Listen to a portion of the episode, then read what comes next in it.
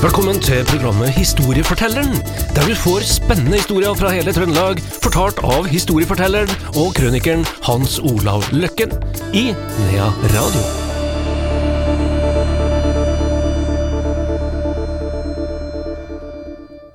Da er vi på nytt klar med historiefortelleren her i Nea Radio. Andreas Reitan er navnet mitt. Hans Olav Løkken er historiefortelleren vår. Velkommen til deg, Hans Olav. Jo. Vi skal til, skal til Steinkjer. Vi skal til Steinkjer, faktisk talt eh, litt nord eh, der, da, eh, til Egge-området. Og Steinkjer står sentralt da som by i, i fortellingen etter hvert. Det er en ås der oppe som heter for Drøgåsen, som ligger da i Egge, og det er på en gammel vei mellom Steinkjer og Beistad. Eh, det he, den veien het jo tidligere Kongeveien, og de kalte den Postveien. Eh, ganske sånn broket vei som ble lagt ned allerede i 1775, da. Tungvint å komme seg opp fra Steinkjer. Den 3. juli da, i 1860 så er det kårmann eh, Arnt Thoresen på Hals, han kalte jo også Hals som etternavn. Han er, altså på gården Hals i Beistad, som skulle gå til Steinkjer. Det er jo en stubb, det.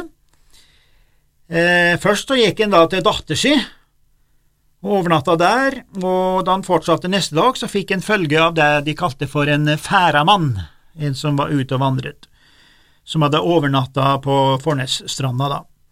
Og de gikk og prata, og han Arnt han var en pratmaker.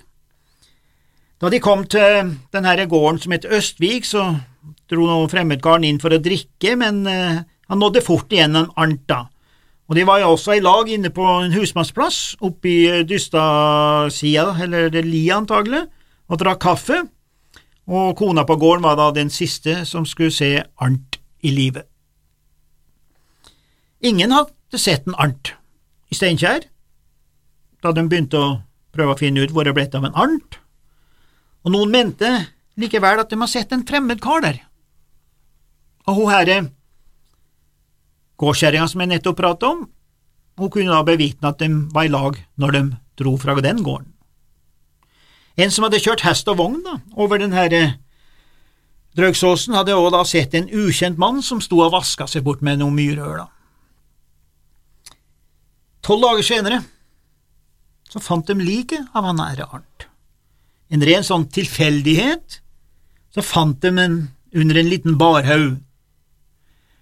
Nesten ikke bryet verd å skjule den, i og for seg, og det er, det er ofte tenkt over de som, de som eh, tar livet av folk.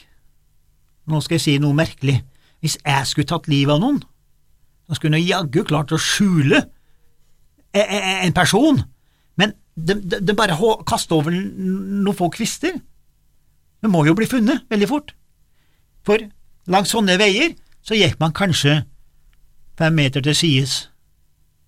Ti meter, 15 meter hvis du skulle gjøre litt fornøyende, og skulle slå lens, så gikk du to meter til sides. Altså Før eller senere så ville noen se den herre her eh, barhaugen. Så det har jeg tenkt ofte på hvorfor de er så dårlige til å skjule sin forbrytelse. Han ble funnet med halstørkle, som de ofte gikk med på den tida, var bundet over munnen, ytterklærne var borte, og ved siden av så lå da nista og lommeboka og pengepungen, da, men pengene var jo da borte. Og obduksjonen visste at den var slått i hodet da, med en stein eller, eller i hvert fall en, en, en tyngre gjenstand. Det er klart, folk ble jo oppskaka, Arnt var jo godt likt, og de ville ha saken selvfølgelig løst, og det ble sendt ut signalement over hele landet. I alt så var det fem stykker som ble arrestert, men alle hadde alibi. Signalementet, litt uklart, var han mørk, var han lys, var han trønder, hvilken dialekt han i Trøndelag, etc., etc., men det kom opp det her med at de mente at han var bergenser. Og det må jo, ja, jeg skulle ikke si at det må jo folk også på Steinkjer klare å skille ut, om det er bergenser fra en trønder. Tre år senere, det går altså tre år uten at de finner ut noen ting, den 19. mai i 1863 arresterer lensmann eh, Essendrop i Stjørdal en full mann som laga kvalme på Stjørdalskjærsen. Han snakka bergensdialekt. Lensmannen husker tilbake, tre år, han var ikke noe med en bergenser eller noe sånt. Signalementet stemte for øvrig, og lensmannen legger den rett og slett i jern og bringer den til Steinkjer for forhør. Mannen het Lasse. Jeg tror vi kutter ut etternavnet, men vi har det òg. Han var født i Askvoll ved Bergen i 1817. Og Han påsto da at for tre år siden, i 1860, så var han ikke der oppe i Trøndelag, han var i Østerdalen. Men han kunne ikke legge frem bevis, eller alibi, da, som vi sier. Og det var kun én av de her vitnene som var sikker på at de hadde tatt rett mann. De her, her var altså flere som mente at det kunne ikke vært han. Men han ble altså fengsla og satt under tiltale for da mord og, og, og røveri av sorenskriver Bernt Anker, som da skulle dømme han også. Vi vet hvem som var domsmenn, og så videre og så videre og så videre, og han, retten, sa seg enig med dommeren. Han ble altså funnet skyldig. Men han her eh, fyren, da, som vi fortsatt kaller bare Lasse, han anka til Høyesterett, han. Og her ble han frikjent. Og ikke bare han ble frikjent, men Høyesterett kom med kraftig kritikk av underretten da, og behandlingen.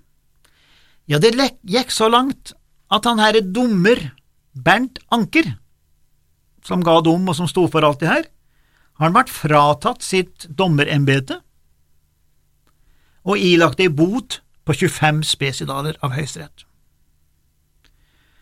Han Lasse, som da hadde sittet inne i varetekt ei lita stund, søkte erstatning. Det er jo sånn man gjør det i dag.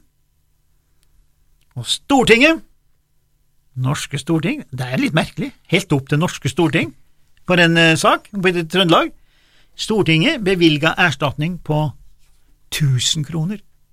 Det var mye penger, gitt i 1863. Steika med penger. 1000 kroner, det må være feil, altså, men eh, det, det er jo det som står i, i historien her, da.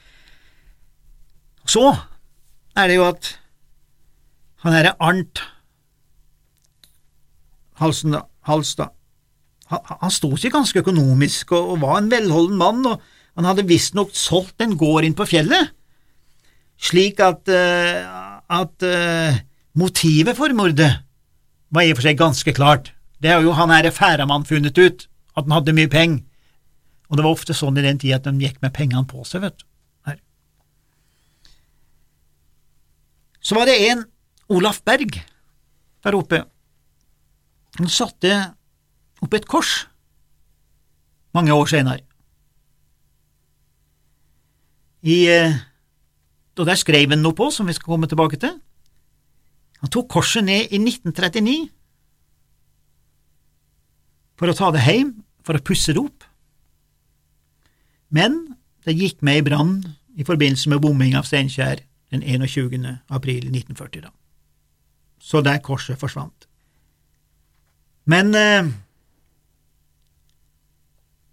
når det gjelder en minnestein de satte opp senere, og da skal vi helt fram til søndag 8. juli i 1984, så avduker da Eggehistorielag og Beistad historielag en stein som er henta fra hovedlånene på Egge gård.